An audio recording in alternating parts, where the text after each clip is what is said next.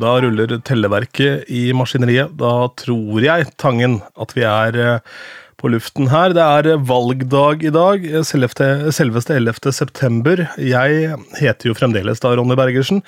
Anders Tangen har i anledningen valgt navnet Jonas Gahr Støre. Ja. Jo, velkommen til gards. Det var hyggelig at du kunne bruke valg, valgvaken her. Ja, for å svare på vegne av Jonas, jeg kan jo like gjerne sitte her. Ja.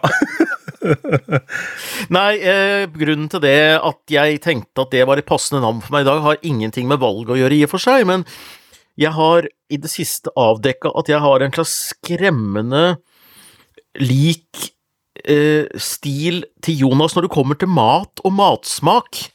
Det begynte egentlig bare med at eh, han ga meg et sånt tips om hvordan man skal koke egg i en podkast han var med i.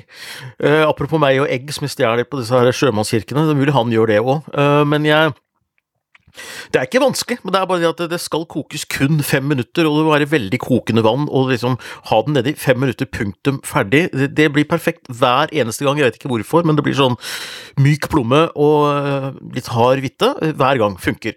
Og så har jeg, ja Dette er jo en side av Jonas som vi sjelden ser. For han har jo vært en sånn politiker som har vært veldig god politisk, var enestående som utenriksminister. Ja. Eh, og skinte virkelig der. Og så har han vel kanskje da hatt en litt mer flakkerende rolle nå som statsminister, men det har jo også vært en helvetes periode å komme inn som statsminister, skal sies, da. Men hadde ikke han nytt godt av, tenker du, og vist litt mer det folkelige? For han er jo så stinn av gryn også, så han får jo kjeft hele tida for det òg. Ja, Det er jo penger han har arva. Men hadde ikke sånn det å komme med kokketriks og litt sånne ting, altså det må da være helt suverent, tenker jeg. Jo, jo, jo, han, han gjør jo det, men det blir ikke fanga opp så veldig, bortsett fra andre enn meg, da.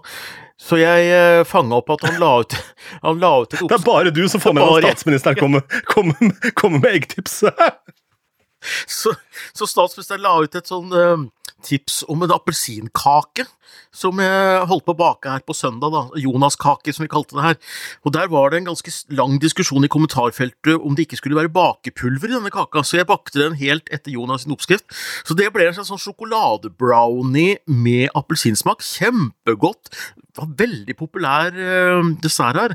Og så er det en serie som Dagbladet har hatt, hvor det har sånn der is med hvor de spiser is med disse her eh, partilederne, også Jonas.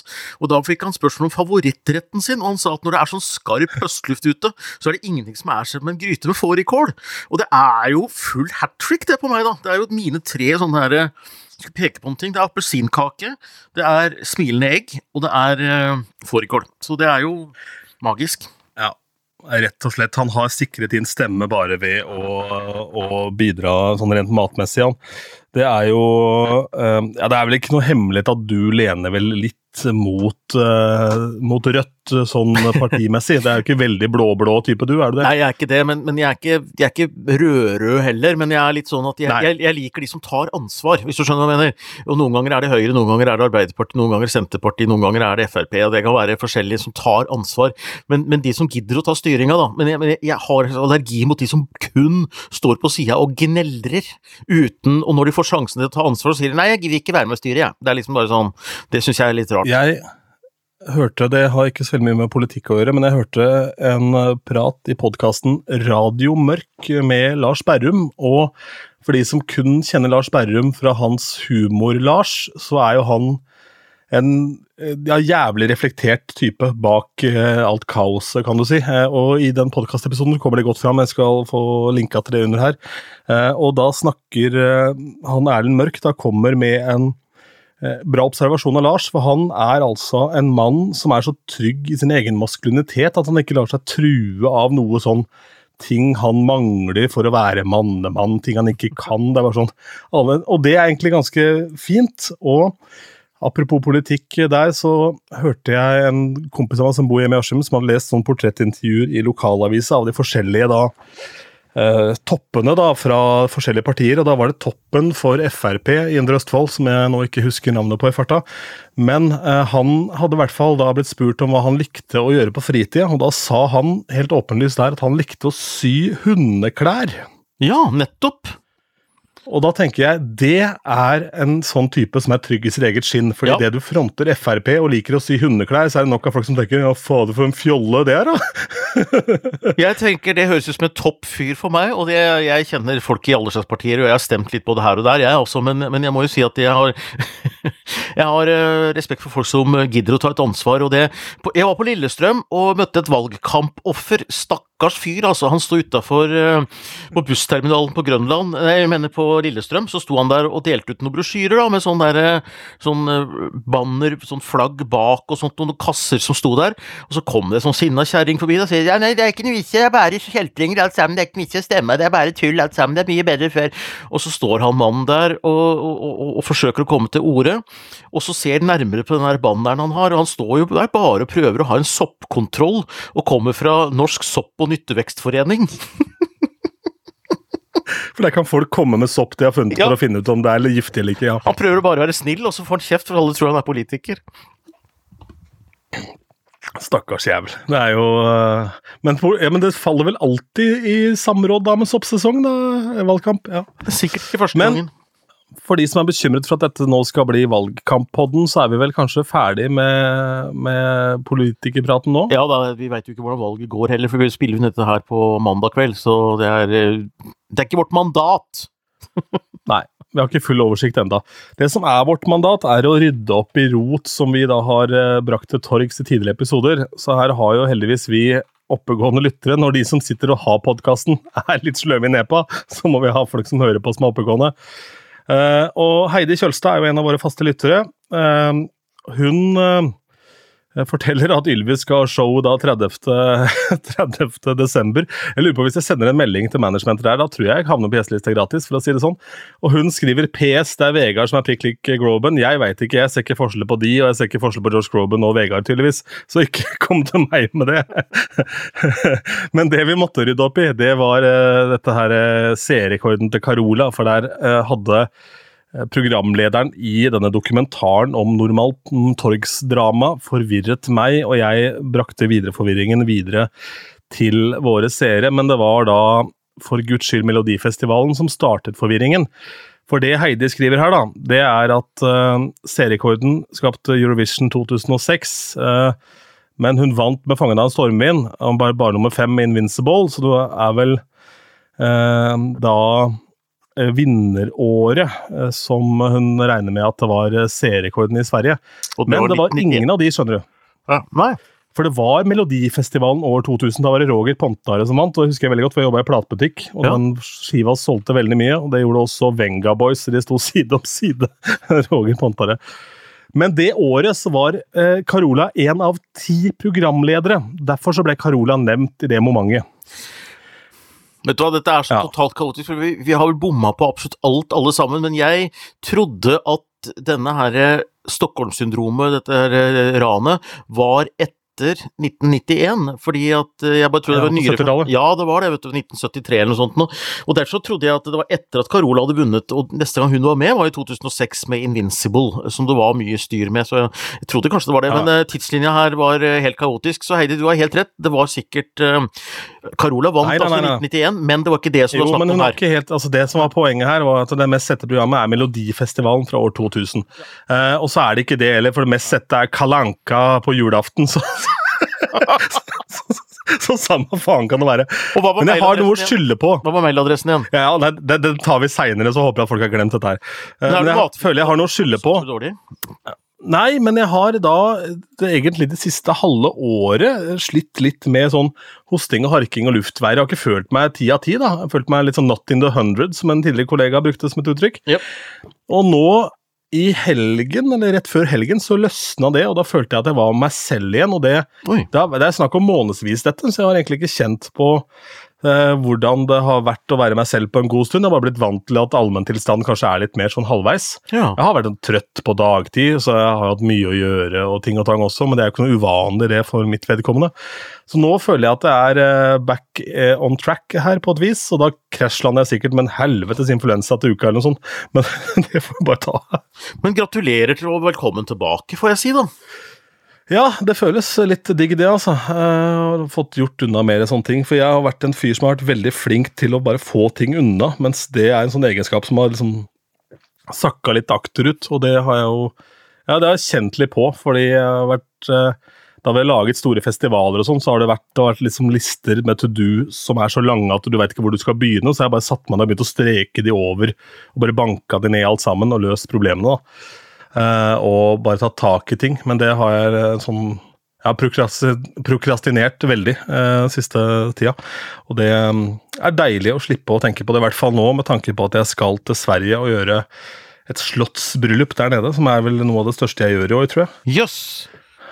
Um, Så moro, da. Um, lyd i, på tre områder, stor lysproduksjon med bevegelig lys, full pakke, innendørs fyrverkeri, CO2-kanon, to kvelder med DJ-ing og lyd i hvilelse, full pakke. Så det er um, Kjenner du lever.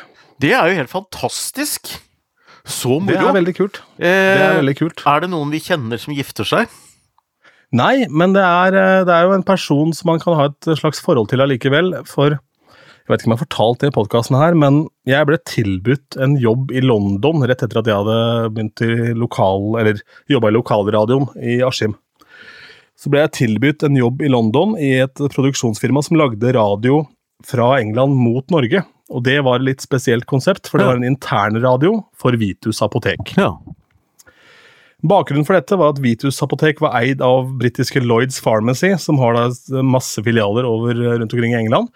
Og Det var basically da P4, bare at alle annonser og alt som ble snakka om var helserelatert. Alle annonser eller uh, reklamespotter handla da om produkter på apoteket. Dette har Spar-kjeden hatt intern radio, og flere andre. Og den Norge var ikke stort nok marked, så den branchen mot Norge ble lagt ned en måned før jeg skulle over. Jeg hadde ordna bosted, alt var på stell. Uh, men det endte opp med å ikke bli noe av, og så ble jeg headhunta av Radio 1 rett etterpå, så det endte på en måte fint for meg sånn sett. Men Jan Kenneth, som nå gifter seg, han jobba i det firmaet. Så vi har hatt kontakt siden da, og han var også kameramann på første sesong av Big Brother, så der kan du ha et forhold til Jan Kenneth fra. Uh, ja, ja, ja. Nei, det, det, begynner å bli litt sånn langt ut, men eh, det er fint. Ka første kameramann på Big Brother er altså skal gifte seg i et slott på i Sverige. I Sverige. Men vi har jo ikke hatt noe kontakt, vi har ikke møttes for å drikke øl i mellomtida, så han sendte meg en melding da til min uh, hjemmeside og lurte på om jeg ville spille i bryllupet hans, så det gleder jeg meg veldig til. Det er så gøy. Så jeg tror jeg blir dritgøy. Noe annet som blir dritgøy, er at vi seinere denne uka Nå må vi vel ikke jinxe det, da, altså slik at det ikke blir noe av av en eller annen grunn, men vi skal prate med Carlsen igjen. Vi skal ha Stig Carlsen innom her i en bonusepisode. Ja, Stig er nemlig akkurat nå i Berlin på workshop sammen med alle de andre delegasjonslederne, hvor de sitter og skal snekre sammen eh, Eurovision 2024. Og det er vel der han skal eh, fram med tryllestaven sin, holdt jeg på å si. Faen. Yes. Ja, nei, da var denne podden cancela. Det var hyggelig. Det var... Her kommer Stig med staven. jeg, jeg mente sånn, uh, sånn derre tempelridder og for å få til en uh, ny ordning med jury, at den skal telle mindre. Det er vel der han skal være ja. talsperson for dette, da, blant annet. Og uh, Lansen er du ute etter. Lansen. La, ja, ja, Det høres ikke noe bedre ut, nei, men nei, det er noe sånt. Nei, bare, vi tror ikke vi går videre på det, rett og slett. Men han er nå der eh, mandag, tirsdag, onsdag, og så eh, skal vi da ta en prat med han rett fra Berlin på onsdag kveld, og så får vi se om det blir en bonusepisode. Det har jeg på følelsen at det at det da blir. For det, det er eh, nysgjerrig med å snakke med Stig om nå. Det er både dette nye ordningen med at alle låter etter 1.9 kan nå være med i MGP. Jeg er spent på hva de har fått ut av opplegget i Berlin. Og så er jeg også spent på dette her med selvfølgelig juryordningen, da. Eh, hva han mener om det. Og så er jeg også spent om han fant seg snitsel han la ut på Eh, på Insta at han skulle dit av to grunner. Det ene var at han skulle snekre sammen et Eurovision-opplegg for 2024.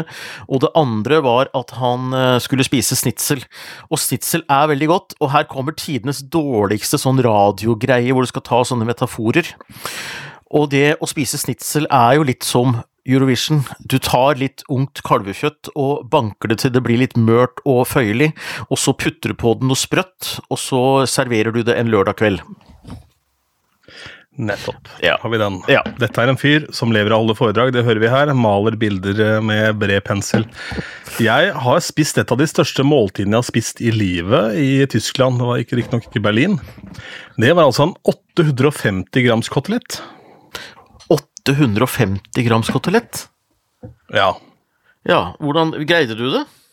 Ja, eh, jeg gjorde det, men det var litt sånn på trass, da. Men da var- jobba jeg i et eh, sånn markedsføringsfirma som drev med Google-annonser. Ja. Og vi drev mye business nedover i Europa, og var da på besøk i Tyskland. Og da var det en herremann som het Mathias, som jobba i et eh, firma vi samarbeida med, som bestilte dette her, da. Og da kunne ikke jeg være noe dårligere. Nei?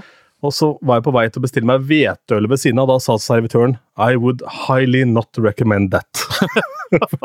Hva drakk du til, da? Akevitt? Nei, det tok en pils, så det gikk greit. Men eh, nei, det, men eh, det klart, det smakte jo gissebass av det meste du foretok deg. Sånn, du kjente jo den bakerst i ganen i en uke etterpå, så det var jo ikke verdt det sånn sett. Nei da, det er moro, da. Men, eh, Da har du gjort det. Ja, det var jo, har prøvd det òg. Mm. det er rart jeg er tjukk, si. Ja, ja. Men det kan vel mulig å få snitsel og den slags uh, litt sånn bondsk kost også i Slovakia. Rykter om at de skal tilbake i Eurovision i 2024. Ja, Nei, 25? Ja, 2025, ja. Det er, eh, det er snakk om det. Og det er jo for så vidt greit. De har jo ikke gjort noe suksess tidligere noe særlig. Det har vært med syv ganger, tror jeg. Og så, eh, så, men hjertelig velkommen, altså. Det er hyggelig, det. Eh, Selv om de, ikke, de har ikke satt store spor etter seg i Eurovision-historien, men det er ikke for seint. Det eneste er den politiske dimensjonen der, syns jeg er litt rar, fordi det er eh, et valg der, jeg skal ikke gå inn i navn, eller jeg husker ikke det nå, jeg bare tar det ut av husken her, men det skal være et valg ganske snart, og der er det en kandidat som kan komme til å vinne, som er veldig populær, som er en sånn Trump-type, som støtter Putin, og som vil legge ned veto over alt Nato gjør for Ukraina, og, og, og om han er så veldig interessert i uh, deltakelse i eh, Eurovision eh, Pride eh, Contest, det er jeg usikker på. Liten boaparade utafor kokken hans. Ja. Det blir topp, det. Mm. Så det er eh, Så det jeg tenker, det kan, det kan være at det setter en liten Ja, jeg vet Men vi får se. Men hvordan forholder de seg til dette i Ungarn, da, hvor det er litt samme opplegget, liksom? Nei, har, eh, de er jo ikke med lenger, de heller, og det, de skylder jo på litt andre ting. Eh, men eh, jeg gjør med noe, jeg gjør med noe mine, alle mine tanker eh, om Viktor Orban. Ja. Nei, han er ikke noe vits å bruke noe tid på, egentlig. Det vi derimot kan bruke Ja, vi kan jo nevne da Romania muligens ikke er med Ja, det er pga. at de, er, de sliter litt med finansene, og eh, derfor er de spent på om de greier å få råd til å være med, i hvert fall å arrangere en nasjonal finale. Så der spekuleres de om det likevel må kjøre en sånn intern utvelgelse og rett og slett bare sette på en låt, da. Og så sender de den. Eh, Det kan være. Romania har jo en ganske stolt historie, syns jeg, i Eurovision, med mye spennende låter som har blitt hits også. Absolutt, jeg er helt, eh, helt enig. Og dette ble en glidende, deilig, radiofaglig sterk overgang, som gutta i Misjon ville sagt. For fra noen som sliter med finansene, til to land som gjør det stikk motsatte. Eh, La oss ta Luxembourg aller først. Der skal jo de være med neste år, og nå har da ryktene begynt å svirre om eventuelle deltakere. Og det er nylig gitt ut en låt av en fyr som heter Josh Island. Um, og den låta, den eh, hvis, hvis det blir den, da Dette er jo Verken bekrefta eller avkrefta at han er med uh, i den interne utvelgelsen, men eh, ryktene sier noe så. Sangen heter How Does It Feel, og jeg har hørt på den nå to-tre ganger, og jeg må si at den tror jeg kan gjøre det jævlig sterkt i et felt her. Men er det snakk om at det er den låta han skulle delta med også? Ja. ja nettopp. Spennende. Men det, han må gjennom den nasjonale finalen først, da, men det er klart våre nyhetsroboter her de snapper opp det som er, og når vi kan finne noe gøy om Luxembourg i Eurovision-sammenheng, når de endelig er tilbake, så må vi jo dra det opp av hatten, tenker jeg. Um, Ja, og der ser du litt av samme modellen som Norge har nå, da. At, at eh, låta er ute, låta har kommet, men den må gjennom konkurransen. Du kan ikke bare plukke den uten videre. Og litt sånn blir det jo med poplåter som kommer norske utgivelser nå framover også. og Plutselig så kan de være aktuelle. Eh, Keiino har gitt ut en låt nå, og den kan teori, teoretisk Den kan også teoretisk da være med i MGP. Ja, absolutt. Absolutt. Um, om dette er teoretisk mulig, vet jeg ikke, men uh, det er jo nå sånn at uh, Monaco kan være med, for nå har de fått rikskringkaster igjen i denne lille staten. Uh, og det bor jo ikke så voldsomt mye folk der, men en av de som er fra Monaco, er jo Charles Leclerc. Har du noe forhold til han? Nei, der er en eh, kulturell eh, hvit flekk på kartet mitt, tror jeg. Han er en ung gutt som tjener masse masse penger på å kjøre racerbil veldig fort. Han kjører Formel 1, Ja. Kultur Men spiller også piano. Oh, ja, nettopp. Kultur, ja. eh, og har gitt ut av noen låter. Alle sangene hans, som er veldig fine pianolåter, han er veldig dyktig på piano, eh, de er da, eller har eh, noe racing-navn ved seg, men så delte han da Euro uh, Voix sin uh, Twitter-melding om at Monaco nå kan være med i 2024, og så har han skrevet Aha. under en kommentar I'm ready. Så kanskje det blir en racingstjerne med milliarder av seere på verdensbasis da, som uh, dukker opp for Monaco. Det har vært uh, artig krydder. Ja, hvorfor ikke Marit Strømøy var jo med i MGP i sin tid, og hun er jo en av de kvinnelige racerkjørerne i Norge. Så det er jo noen få linker, og Sebastian Tellier har kjørt golfbil på scenen i Eurovision i 2008, så noe biler har det vært. Det har du jammen rett i, ja. Marit Strømøy, ja. Mm. Er båtracer eh, Båtrace Det var båtrace, hun. Ja, det var det, ja. Ja, det er jo det vi har vært uh, raffest på her til lands, er vel Mm. båtrace, ja. Ja. Stemmer. Uh, nei, så vi får se. Uh, Kjell Inge Røkka har også drevet med båtrace, kanskje han stiller. Han korer. Uh, han korer, ja. Det var, jeg var jo DJ på uh, Nesoddbåten, som var en av to båter som fikk lov til å ligge i, i indre bane under båtrace i Oslofjorden. Ja, så deilig, da. Og der var det kjempefest. Det var de som drev Hannibals hybel, som lå nede på Aker Brygge før, som hadde leid Nesoddbåten og tok med da en hel haug med folk ut der. Og er en konferansier som jeg tror var en av eierne, som ble godt bedugget på bobler utover kvelden, eh, og ble mer og mer ivrig. Lyden måtte høyere og høyere. Og han eh, Det var et par sånne catchphraser. Det ene var at den andre båten som lå der, var Color Line. Eh, og da skrek han da og full hals. Dere har kanskje størst båt, men vi har størst anlegg. Og så var det da Vatte og Postgirobygget på full gass opp til Color Line. Det var, det var sommersangen, det var da Idyll. Den var viktig å spille. Eh, Eller om det var eh, denne låta til uh, Gud hvor du er deilig, tror jeg det var, med bjelleklang. Men det året så ble jo Gjelsten, som hadde vært nesten suveren hele sesongen, han ble nummer to, slått av disse Emirat-gutta fra Qatar. Men da var jo han kjæreste med Liv Marit Vedvik, som hadde en sang som het Everybody Loves a Winner. Så da manøvrerte altså denne kapteinen Nesoddbåten inn der hvor de hadde pit, og så spilte vi den låta drithøyt da, etter at han har blitt nummer to. Å, det er så det er herlig barnslig. Det er kjempegøy. ja, ja. Men han kom ut og takka pent, han uh, Gjelsten. Han virker jo som en uh, hyggelig fyr. Ja, ja, Så. Ja. det er nå så. Nei, det var jo eh, Tix, Tix trua jo med det da han ikke fikk lov til å være med på VG-lista da han drev og slo igjennom. Han var så sur på at han ikke ble invitert, for han var jo for grov og ble liksom ikke regna med på lister og sånn, så han trua med å sette opp verdens største anlegg på en lekter ute i Oslofjorden under VG-lista og kjøre eh, sånn konsert parallelt et år. ja. Så han, det han gjorde ikke det, altså. Men eh, Under pandemien så var jeg på konsert med Det er vel det beste pandeminavnet jeg har hørt eh, noensinne eh, på Altså som dukka opp der og da. Det var Øystein Greni fra Big Bang som da hadde med seg en av gutta fra Kråkesølv, ja. eh, som da for anledningen ble kalt The Social Distance Man, så det var Øystein Greni igjen The Social Distance Man, eh, som gjorde en sånn duogreie hvor de spilte Big Bang-låter. Eh, på Salt i Oslo, 200 pers, kunne høre nesten en knappenål falle. Helt til vi hører bare en dunk, dunk, dunk i det fjerne, da. Så sier Greni er det mulig å skru av den musikken, og så, for det forstyrra veldig en sånn veldig neppe og hyggelig låt. da. Mm, mm. Og så sier han det en gang til, og liksom begynner å bli litt irritert, og så er det en som roper da Det er en partybåt i Oslofjord!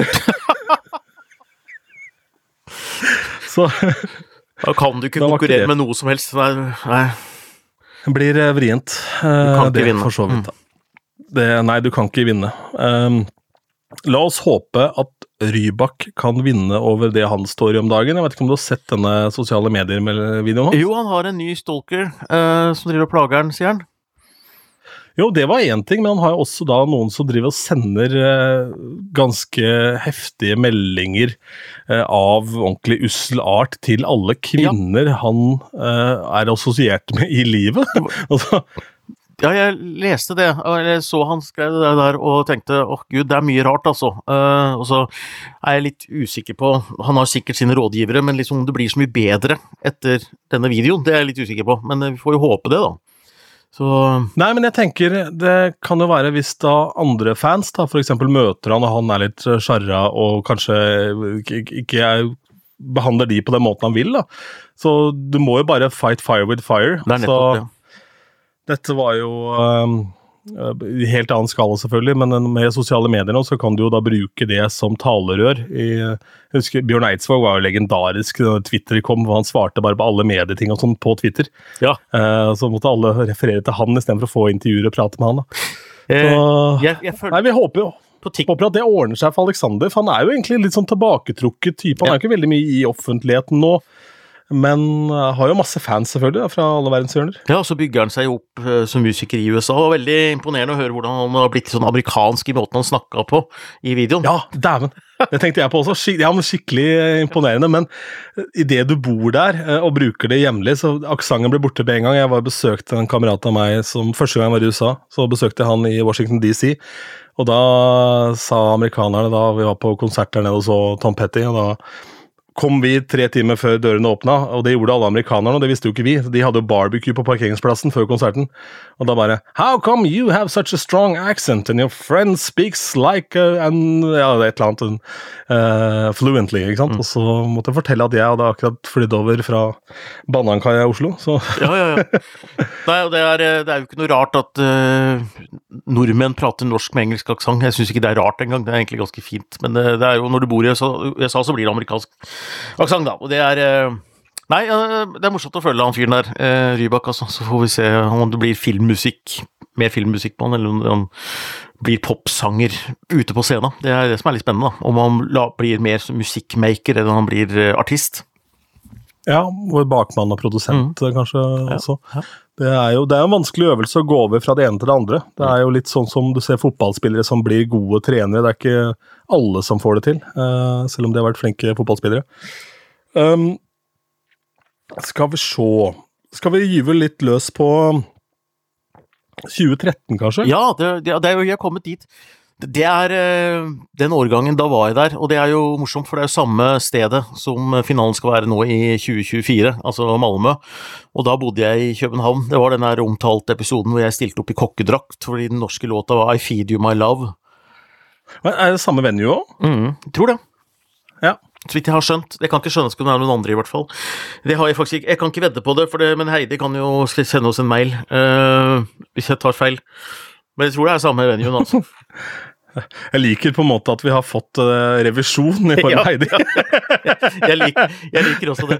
Og så, så er det. og så er det så fint, fordi jeg er jo åpen på det at jeg har aldri vært sånn leksikal i forhold til Eurovision. Altså, jeg syns at uh, helt sånn nerdefaktisk kunnskap egentlig ikke er sånn superviktig. Det er på en måte hovedlinjene som er uh, morsomme, men det er, det er, og du er på trygg grunn her, da, for det er alltid 300 mennesker rundt som kan detaljene, som da kan hjelpe oss med det. Så det er, det er helt fint. Ja. Wikipedia hevder at det skal hoste samme event som i 2013, Ja. så da stemmer nok det. Stemmer nok. Nei, Vi har vel snakket om det da vi startet denne podkasten, du og jeg, at uh, jeg omtaler deg ikke som ekspert, men entusiast. Ja. Uh, og for mange har jeg lurt på hvorfor i helvete jeg sitter og prater om Grand Prix, for jeg har ikke noe veldig peiling på dem. Så sier jeg men jeg er jo alltid, alltid fascinert av folk som er glødende opptatt av noe. Om det er VVS eller Eurovision, er ikke så nøye. Det er, det er jo litt VVS-podden hadde jeg nok ikke blitt med på, men Kommer han på rørleggeren, si. Sopp, sopp og Nytte- vekstforeningen, kanskje?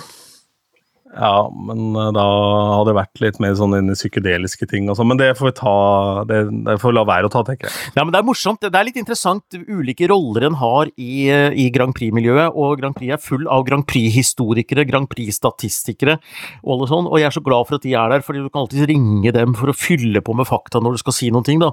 Mens jeg liker jo det her litt sånn eh, overblikket, det politiske forholdene og, og de store linjene. Og hvis du ser i 2013, så er det veldig gøy i forhold til 2003, for da snakket vi om at det begynte å nærme seg publikumsarena begynte å nærme seg en sånn fest med masse farger, og LHBT-miljøet begynte å omfavne dette veldig.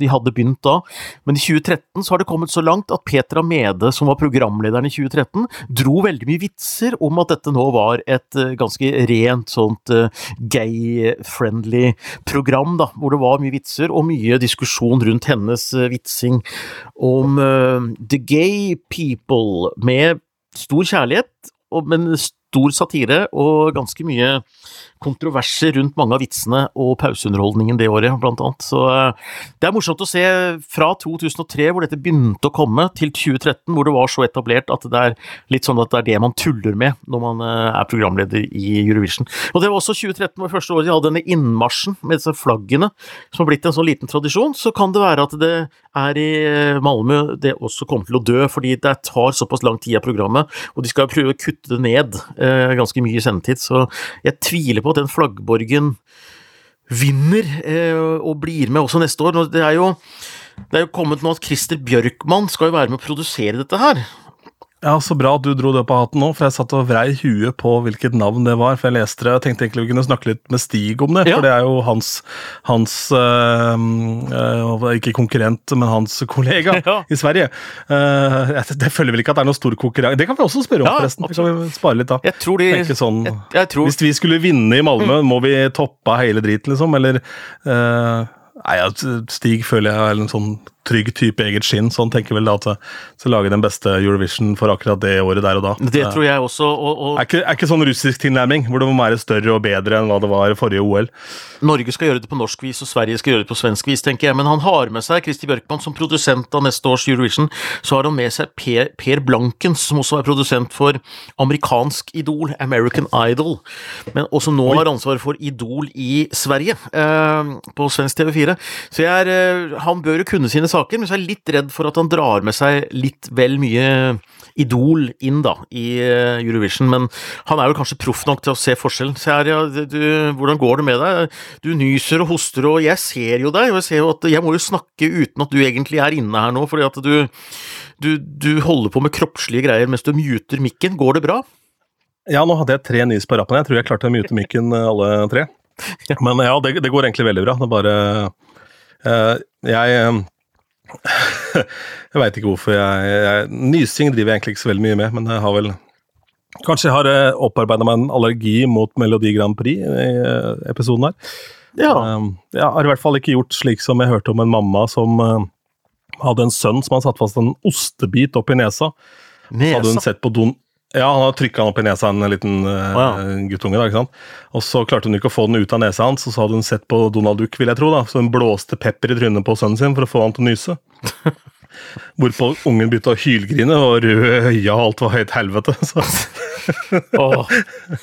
Men nei, det, det går bra med meg. Jeg hører hva du sier. Men uh, det, det er jo ikke så lange veien fra, fra Idol til, til Eurovision, heller sånn showmessig, da. Sånn Nei da, det er ikke det. Eh, det er, eh, men men der, der ligger også faren. fordi at når, det er, når veien er så kort allerede, så er det viktig å holde på de eh, ulike greiene som er der. Da. Men det, jeg tror han er så proff på det at han vet hva en merkevare er. For det er det Idol er bra på, det er det Eurovision er bra på. Å dyrke sine, sine greier, da. Så det blir helt sikkert fint. De kan jo tingene sine, i hvert fall.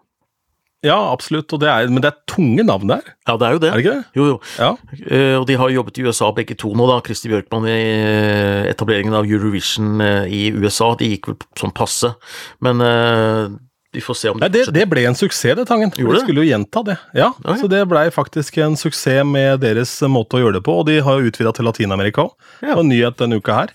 At nå er det, er det full steam ahead med å utvikle ESC Latin-Amerika, og det kan bli veldig spennende, for det er jo eh, Med unntak av her oppe i Skandinavia eh, og ja, altså, kanskje Tyskland og sånn, altså Markedene litt nordover i Europa, så er jo det uten tvil en av de eh, stedene hvor det meste av populær popmusikk kommer fra. Ja, ja. Noen av de aller mest populære artistene er jo fra Latin-Amerika nå, og så er det mye afrikansk influens og sånn, så det blir spennende. Ja, det blir kjempe.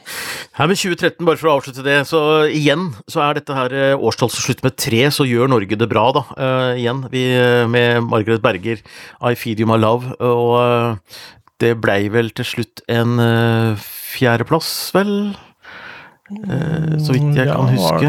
Eh, det? jeg tror det var fjerdeplass. Eh, og det var et fantastisk resultat, og en fantastisk låt som jeg tror alle var stolt av. Eh, skal vi se Nei, tredje Ja, jeg prøvde å Ja. ja. søke opp her, jeg også. Nei, eh, vi må ha det riktig, ellers ellers får Heidi sende en mail. Det går bra, det, altså. Men uh, Det var er fjerde, fjerde 100, 191 poeng. Ja. Danskene vant det året. Det var det de med gjorde. den uh, Emilie de Forest, ja. Mm. Og hun har vært med på låtskrivercamp, en MGP-låtskrivercamp i Sverige. Uh, så jeg på noe story. Hun var liksom tagga på noe story som noen hadde lagt ut fra en av disse låtskrivercampene, så det blir spennende da, å se om hun bidrar med noe inn i eh, MGP, eller om hun jobbet litt sånn på egen hånd. Det blir spennende å se. Ganske fiffig å se den der utviklingen her. Nå har vi hoppa ti år fram i tid nå, og da hvis vi da husker jeg ikke helt hvordan det var i 2003, men i 1993, da, Mm. altså 20 år før dette, så var det total dominans av Irland. Ja. De hadde da vunnet året før òg, og i, i eh, 2013 sendte de på 26.-plass. Ja. Helt sist. Helt riktig. Det er fiffig.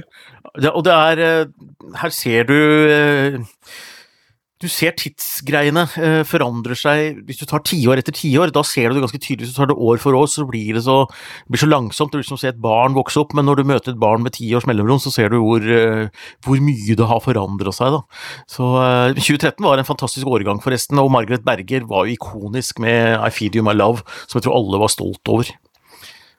Ja, det var jo en låt som tåler tidens tann, eh, uten tvil, og det var en sånn annerledes kul poplåt som var noe helt annet. Og hun, og hun var jo en chili blant svisker også i, i eh, Idol, eh, helt klart. For eh, hun hadde jo en identitet som Astrid S og en del av Gabrielle og sånn som var inne i Idol-sirkuset der, og Tone Damli og flere andre også, fant i ettertid. Hun hadde den allerede da hun var med. Eh, og jeg spiller faktisk eh, Lifetime Guarantee eh, ganske ofte ute. Den låta som var en av hitene fra det albumet hun kom med etter Idol. Litt sånn tidlig på kvelden, og det er Da ser du Da kan du se, hvis du har et bord med eh, 35-45 år gamle damer, så, eller jenter, så kan du se de begynner å prate idet den sangen kom på. Ja, uh, så kan se at de diskuterer Ja, det var den Margot Ja. Berger. ikke sant? Gøy. Den er så kul groove. Og så den plager ingen, men den, ja, den gjør jobben som en sånn fantastisk låt. Så der har du et tips der, hvis du driver og snurrer plater rundt omkring. Eh, så Jeg gjør ikke det så mye, men jeg snurrer mine egne plater, da, men altså hører på egen musikk. Det sitter jo, folk, sitter jo folk og hører på dette her. Det gjør jo det. Masse folk på her. Kanskje det er noen aspirerende DJs ikke sant? Ikke sant? som ikke bare driver med Eurovision her, men er muligheter. Helt klart. Og, eh, men Margaret Berger er jo også, eh, har vært i hvert fall en habil DJ, så vidt jeg vet. Så hun eh, Ja, jeg, har, jeg tror det er kul uh, musikkutvelgelse i det hun holder på med. Så får vi jo se, da. Det er jo eh, Jeg har eh, nå lenge etter mange andre sett denne Ekstase-dokumentarserien på NRK om skandinavisk elektronisk musikk. Og vi er jo helt i front i verden på det nå, med Kygo og Alan Walker og Matoma og co. Men vi har vel ikke klart å Altså, det eh, miljøet har jo ikke hatt noe særlig eh, Eurovision eller Melodi Grand Prix eh, inn, ja, innpass har de sikkert hatt, men de har vel ikke vært interessert, da. Nei, men det er nok det, og, og det blir da at det blir litt Uærbødig sagt, så blir det da litt First Price-varianten av disse. For man prøver seg på noe av samme låttypene i delfinalene på MGP og sånn, men så når de ikke helt opp, og du hører at det er ikke samme Skal vi si det er ikke like crispy, det er ikke like liksom lekkert, finessen er ikke den samme, da, og det er det jeg syns er litt trist med de norske Eurovision-låtene sånn jevnt over, at de er ikke like fett produsert, de er ikke lagt like arbeid i detaljene som det er i f.eks. låtene fra Sverige, eller de beste fra EDM-miljøet i Norge, da. Ja, ja, helt enig. Og det er ikke så dum sammenligning med First Price, for ofte så er jo disse tingene laget på akkurat samme fabrikk, men innpakningen ser kjipere ut. Ja. Eh, og det er litt det som det mangler, den lille finessen som man har. Hvor du ser da i det liksom, Kygo gjør live-ting, og Alan Walker altså Det er jo så voldsomme produksjoner at du vil ikke tro det. ikke sant? Mm. Det er sånn det er helt vanvittig opplegg. Uh, men uh, det blir spennende å se. Jeg gleder meg veldig til å snakke med Stig. Det er lenge siden Ja. eh, ja, jeg har truffet ham fra tid til annen og sagt hei. Vi har snakka litt Kiss og sånn, men vi har ikke snakka vi har ikke snakka um, Grand Prix og Eurovision på en evighet. Nei, og jeg har jo skrevet til han at det vi er ute etter er å høre litt fra Berlin, og så skal jeg krangle med deg litt om juryer. Så det blir jo gøy. Ja, det har du vel. Det er rart at folk liker deg, Anders. Det er, må være, du må ha sjarm. Det er uh... Eh, ja, ellers så nå kjenner jeg at jeg får begynner Eurovision-energien virkelig å komme, for nå mandag om en uke så er det da lyttergruppe igjen. hvor Jeg bare meldte meg på på helt vanlig måte. Det er ikke noen bakkanaler, ingenting, men nå har NRK gått ut og bedt om folk som har lyst til å være med på lyttergruppe for å høre på og vurdere låter som er aktuelle for MGP 2024. Så dit skal jeg på mandag om en uke, da, og da må vi selvfølgelig spille en podkast på kvelden. Og da har jeg jo ferske inntrykk fra de låtene som er testa på publikum fra neste års MGP, og det pleier å gi en liten pekepinn om hvor vi bærer hen. Ja, absolutt. Det, ja, for det var jo gøy i fjor, husker jeg. Den episoden var jævlig morsom. Yeah. Eh, alltid når du har noe sånn inside information, og Tangen har For det liker du så godt òg. Jeg sitter og ser på det der, et, et, programmet til TV Norge som heter Alle mot alle. Mm. For jeg trenger en sånn eh, Jeg kaller det idiot-TV, det er jo ikke i og for seg det, men jeg trenger eh, en sånn jeg kan se en episode av, om det er pantelån eller om det er bare sånn tull da, og fjas. eh, Fordi mye av de tingene jeg gjør, om det er å skrive radiosaker eller lage musikkbingoer, quizer, er statiske ting. Og du maler det ut, da, ikke sant. Og idet du er ferdig med noe sånt, så må du bare tømme hodet for å kanskje gyve løs på neste oppgave. Og der eh, Der eh, er det hun Karoline Breivang, håndballspilleren, er på lag med Hans Olav Lahlum der i første sesong. Og det er så tydelig å se, for Lahlum han er jo veldig eh, avslappet på hva han ikke kan. Altså Dette her er ikke mitt fagfelt. Jeg skal ikke prøve å tegne hvordan logoen til Mercedes-Benz ser ut, det vet jeg ikke. Så la jeg bare være å gjøre det. Mens hun Karoline Breivang hun er jo så veldig sånn De gangene hun vinner, så er hun så jævlig glad! I motsetning til da han ikke vinner. Og det er jo litt samme med deg òg, for jo, du liker jo veldig godt å ha liksom, den informasjonen og kunne spre det ut, og så er du utrolig god på å øh, jeg kommer aldri i mitt liv til å glemme da jeg dro opp hatten at ja, blir noe, det blir vel kanskje ikke noe kvelertak i Melodi Grand Prix, og så var jo låta 'Kvelertak' med. Da hadde jo du Da tenker jeg det må være så deilig å være deg i den settingen og faktisk da ha hørt den låta. Det er litt gøy. Det er litt gøy.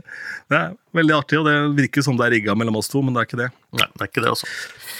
Og så tenker jeg at denne podden går mot slutten, men det er ett lite punkt her da igjen eh, på lista over ting du hadde å komme til torgs med i dag, og det er da følgende punkt, som er like bra å avslutte på som noe annet, tenker jeg. Uheldig grimasemaker. Ja. Jeg eh, var på togtur med Kristin, min samboer, og Marie, min datter, og, og meg, da. Eh, Og så ble vi sittende sånn på toget at de satt på et toseter et sted. Så satt jeg ved vinduet, så var det midtgang, så satt jeg ved vinduet sånn at det satt en mann mellom meg og og datteren min, ikke sant. Så hun satt ved midtgangen, og jeg satt, satt en mann imellom. Og så satt jeg og skulle gjøre sånn tullefjes til eh, Marie, for han var så veldig opptatt, han mannen som satt ved siden av meg. Så akkurat idet jeg har sånn fingra trekker øya ned og lager en sånn derre sånn, Ja, trekker hendene og Mm. alt sånn. Jeg så virkelig ikke ut. Det er da han snur seg mot meg, så det han ser, er at jeg gjør en sånn grimase til han på toget. Aldri følt meg så klein i hele mitt liv. Det var så fælt, det. På Lillestrøm-toget, L1-linja. Det, var, eh, det var flaut. Grimasemannen, ja. Det er eh, Jeg tar en siste anekdote på slutten her, da, som eh, dro opp av hatten. Det er en bekjent av meg som heter Ole, som er han tidligere bartender. Nå driver han med skjegg, og blitt veldig god på skjegg, faktisk. Flink, driftig type. Jeg omtalte han som litt sånn periferere bekjent, men en jeg kunne ringe dersom jeg sto fast på Hardangervidda, så hadde han funnet en løsning på å komme opp og hjelpe meg, da. Så sant på en måte ikke hans liv sto i brann. Eh, Nå har vi ikke så mye kontakt nå lenger, men vi ble kjent gjennom at han han var kokkelærling på en sånn jålete restaurant inne i Oslo. Og da drev jeg med TV på Ung TV hjemme i Askim, som var da Norges eneste TV-kanal av og for ungdom. For det var da det gamle TV-utstyret etter lokalavisa Øvre TV. Det var satt av til å gå til ungdom, hadde da tidligere redaktør eh, i sitt testament, eller hva det var for noe. Så der var det TV-kanal på ungdomsklubben, og da spilte jeg musikk da, og anmeldte litt eh, låter og sånn der. Og så av en eller annen grunn så drev Ole og stekte vafler bort til det andre hjørnet i studio, og det var et sånt program vi hadde. Og da likte Ole å kødde med meg, så vi var jo unge gutter, så det var jo ikke bare grimaser der. Så han har jo da en vaffel som han har da smørt rømme i, som han da bruker som en sånn onaneringsbevegelse, som han viser til meg da, for å sette ut meg. Nei, nei, nei. nei. Men han har jo ikke akkurat kontroll på bildemiksen, så ut på direkten så går det at han ja, runker en vaffel på TV, da. går, Yes! går ut på direkten. Så den dag i dag så er han kjent som Ole Vaffel, rett og slett, i Askim. Så kommer kom vaffelen, er det noen som sier. Og det er Indre Østfold, altså. Det er veldig fint. Ja, ja. Men han eier det veldig, da. Så han er jo Ja, stolt av bra. den historien. Syns det var litt artig, da. Ja. Så da, Det det. Da, det blir vel siste ordet fra oss. Hvis det var noe du skulle ha å utsette på Vaffel-Ole sin historie, så um, trenger du ikke å ta det på mail, det kan du ta på meg, til meg på PM. Men uh, utover det, har du input om uh, ting og tang, og har du spørsmål til Stig Karlsen, Ja. eh, ting du lurer på. Så det er jo ikke noe vits i å spørre om ting han ikke kan svare på, så bare ha det i bakhodet. Eh, de spørsmålene kommer ikke til vi til å stille videre hvis vi ser at det, det her er jo helt åpenbart. Er Keiino med neste år? Det kan ikke han si ja eller nei på uansett, liksom. Eh, men alt mulig annet rart, tekniske ting om Eurovision og sånn. Hvis du har noe på hjertet, send det inn på e-post hei at grandprixpod.no, så skal vi huke tak i det. Vi snakker med han klokken seks, er det satt opp onsdag ettermiddag. Så det er tidsfristen for eh, dette. Yep. Linker til eh, ting og tang som eh, angår dette programmet, eller denne episoden, finner du under her. Takk for følget.